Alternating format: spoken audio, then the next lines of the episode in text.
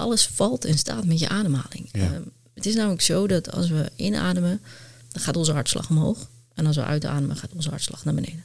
Ja. Dus als we die verhouding aanpassen, ehm, als we dan bijvoorbeeld zeggen van nou, we doen vier seconden inademen en zes seconden uitademen, daar, daar word je eigenlijk altijd ontspannen van. Welkom bij een nieuwe aflevering in de Temple of Podcast. Vandaag ga ik in gesprek met topsportcoach Mariska van den Bos over hoe inzichten uit de topsport je een bewuster mens kunnen maken. Mariska, welkom.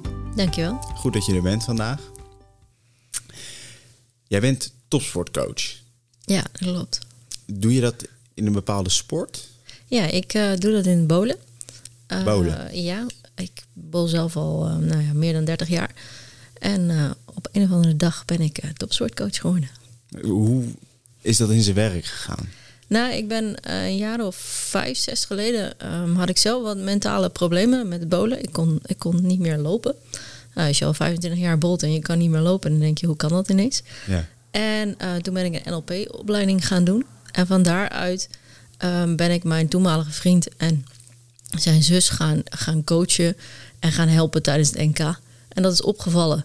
En toen hebben ze mij gevraagd of ik uh, bondscoach wilde worden. Oké, okay, dus jij had zelf wat problemen waar je tegenaan liep bij het bowlen. En die heb je uh, een soort van aangepakt met ja. NLP, even voor de luisteraar. Neurolinguistisch programmeren, dat heeft alles te maken met um, gedragspatronen, met communicatie, met nou ja, hoe, je, hoe je jezelf bewuster kan maken van processen binnen jouw lijf. Oké, okay. en dat hielp zodanig bij het bowlen bij jou, uh, dat je er ook anderen een beetje mee mee gaan coachen. Ja. En zo ben je beland als topsportcoach in het bowlen. Ja, dat klopt. En, en wie coach jij nu precies binnen het bowlen? De Nederlandse bowlingdames, dus Team NL. Oké. Okay.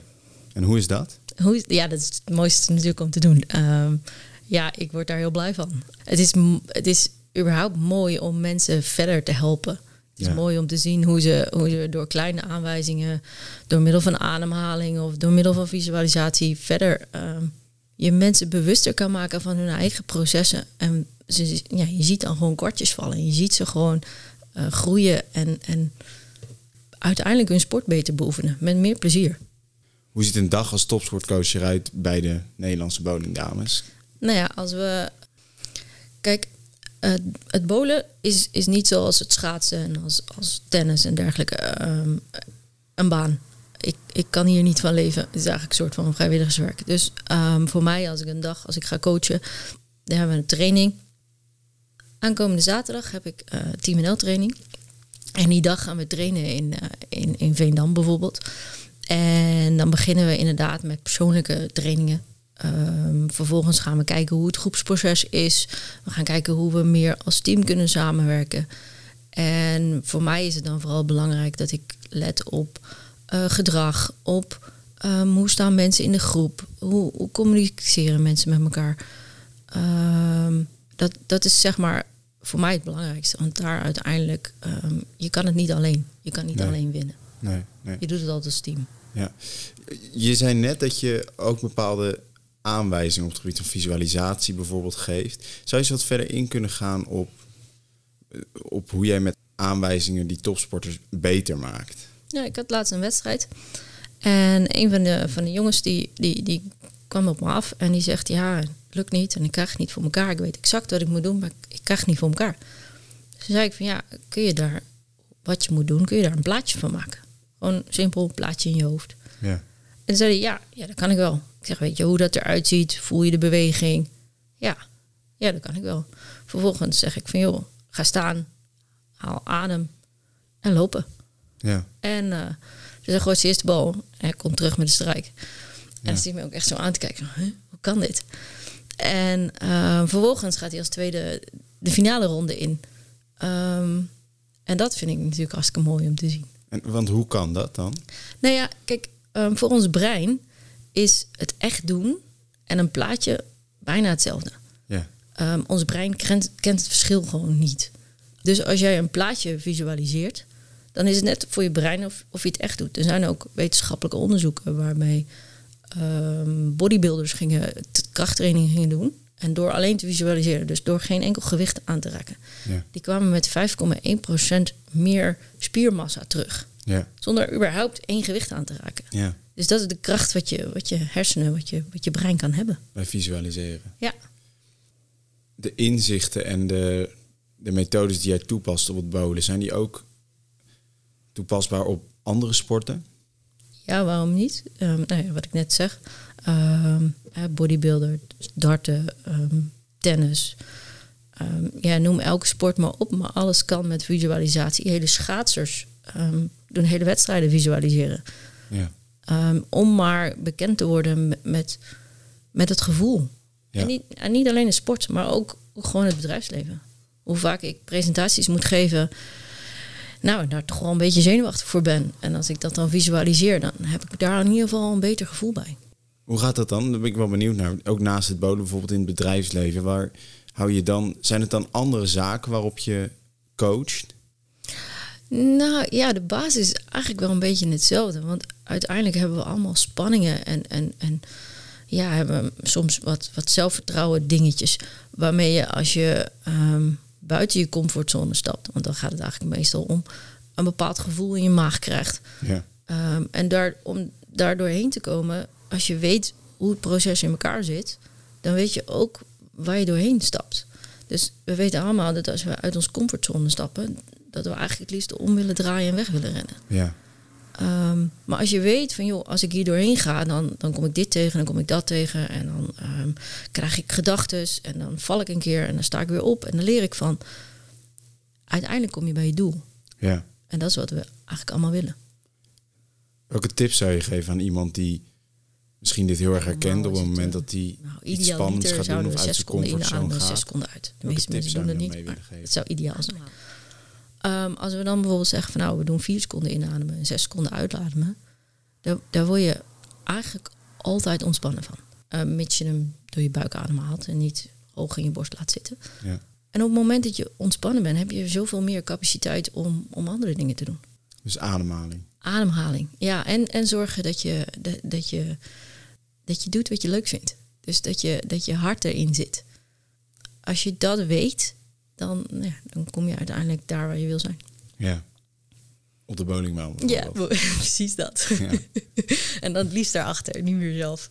nee, doe je het niet meer zelf? Ja, ik bol nog wel zelf, maar dan meer gewoon voor de lol. Ik, uh, ik, ik heb gemerkt dat ik liever coach dan dat ik, uh, dan dat ik zelf bol. Ik vind het mooier om mensen gewoon dat kwartje te zien vallen. Ik vind het gaaf om te zien dat, dat ze door een kleine tip uiteindelijk hun doel gaan bereiken. Is dat ook het leuke aan het werk?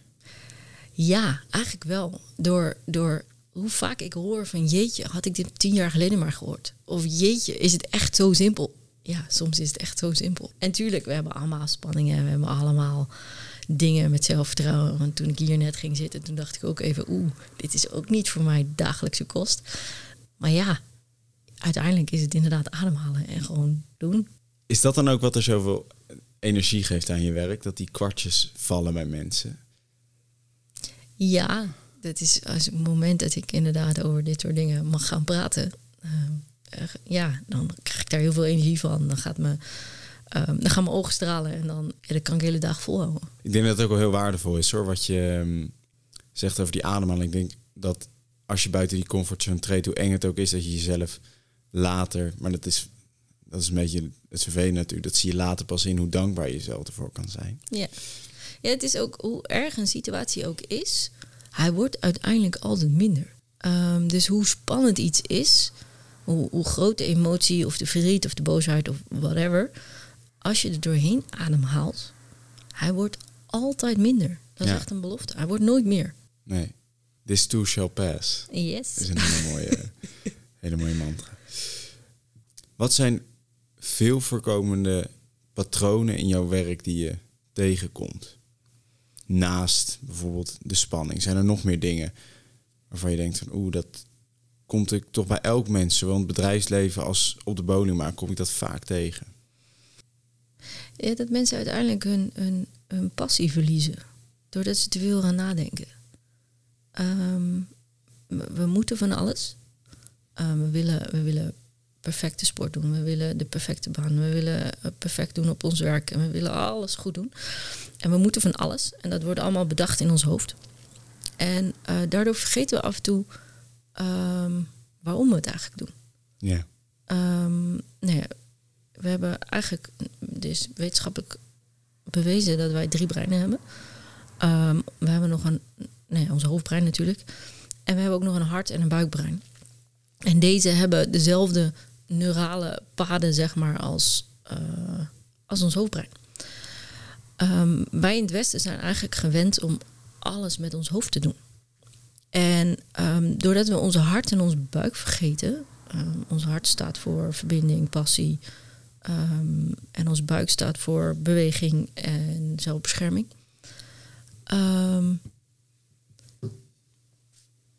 als we die vergeten, dan, dan gebeurt dus alles in het hoofd. En daardoor vergeten we dus inderdaad plezier. Vergeten we verbinding te maken met mensen, wat, wat we allemaal nodig hebben. Ja. En ehm, ja, we kennen allemaal wel het gevoel zo van, ja, weet je, het, het, ik heb dat wel bedacht. We kennen allemaal het gevoel, we willen naar een sportschool, maar we doen het niet. En ehm, we willen naar een sportschool en het voelt niet goed. Nou, dat is ons hart die dan zegt van, nou, hier heb ik niet zo'n zin in. En um, ja, we hebben er wel een goed gevoel bij, maar uiteindelijk doen we het toch niet. Nou, dat is dan onze buik die zegt van ja, ik heb geen zin in al die pijn, zoek het maar lekker uit. En daaruit komt uiteindelijk, uh, als je die drie met elkaar kan laten verbinden, praten, op één lijn kan zetten, ja. dan kun je uiteindelijk vol passie iets doen.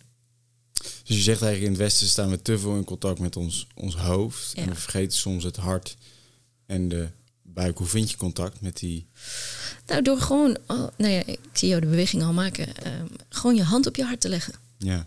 En daar gewoon even rustig, nou, komt hij weer, uit ademhalen. Ja. En daar vinden we, oh, waarom doe ik dit eigenlijk? Ja. Wat is nou echt belangrijk als je je hand op je hart legt? Ja. Je zegt ook dat wij in het Westen dan vooral, in het Westen veel vanuit ons, ons hoofd werken.